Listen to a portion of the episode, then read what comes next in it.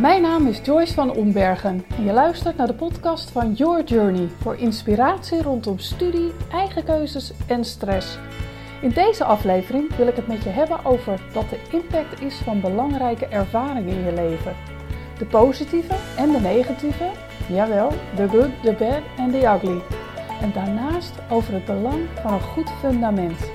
Leg pen en papier maar weer klaar, want aan het eind stel ik je een aantal vragen die jou kunnen helpen bij het vertrouwen op jezelf bij het maken van je studiekeuze. Veel luisterplezier! Als je voor je studiekeuze staat, ben je vaak geneigd om te kijken naar welke opleidingen er allemaal zijn. Voor je het weet, start je jouw zoektocht op internet en raak je verdwaald in een overvloed aan aanbod. Wist jij dat er zo'n 2500 verschillende opleidingen in Nederland zijn?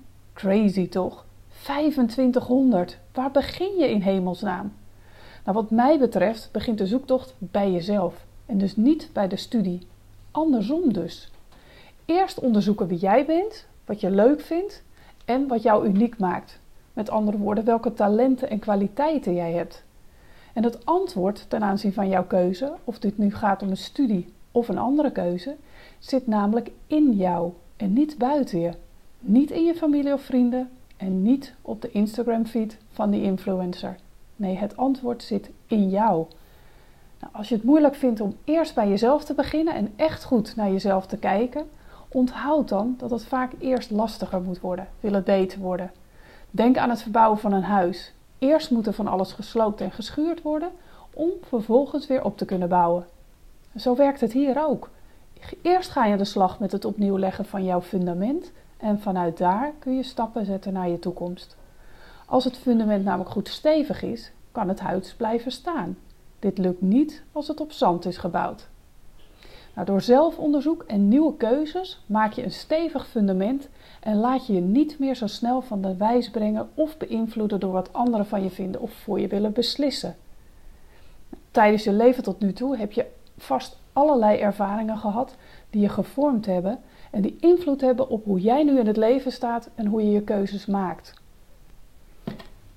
Denk bijvoorbeeld aan een scheiding van ouders, het verlies van een dierbare, gepest worden op school of een verhuizing, maar ook ogenschijnlijk kleine ervaringen kunnen grote invloed hebben gehad. Nou, dit waren een aantal best wel negatieve voorbeelden. En zo zijn er natuurlijk ook positieve ervaringen.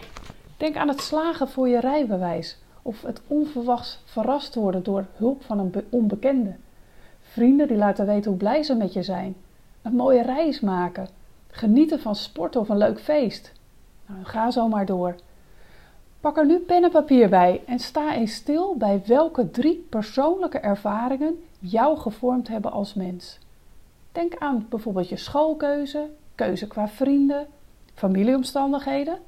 Schrijf deze op en kijk daarna welke inzichten je erdoor hebt gekregen en hoe ze je leven hebben bepaald of misschien zelfs veranderd. Waren het positieve of ook negatieve ervaringen. Ik raad aan om beide op te schrijven. Nou, weet ook dat in elke negatieve ervaring een les schuilt, ook al zie je die niet altijd meteen. Een paar voorbeelden. Was je bang voor een verhuizing en heb je uiteindelijk, of heeft het je uiteindelijk toffe nieuwe vrienden opgeleverd? Misschien heb jij wel in het ziekenhuis gelegen en weet je daar nu, nu zeker dat je zelf ook in de zorg wil gaan werken. Ben je sterker geworden en geef je veel beter je grenzen aan nadat je op een gegeven moment besloot genoeg is genoeg en opstond tegen een pester? Nou, dit zijn een aantal voorbeelden hoe negatieve ervaringen toch iets positiefs kunnen betekenen. En dat geldt net zo goed voor positieve ervaringen. Die zorgen ervoor dat je steeds meer gaat vertrouwen op je eigen kunnen en, eraan, en eraan terugdenken alleen al kan je helpen positief te blijven op de momenten dat het niet zo makkelijk gaat. Schrijf nu op welke belangrijke keuzes je eerder in je leven hebt gemaakt. Hoe makkelijk maakte je die keuzes? En wat of wie hielp je om die keuzes te maken? Je realiseren dat je eerder keuzes hebt gemaakt die goed uitpakten, zal je meer vertrouwen geven in het feit dat je jouw studiekeuze ook zelf kunt maken.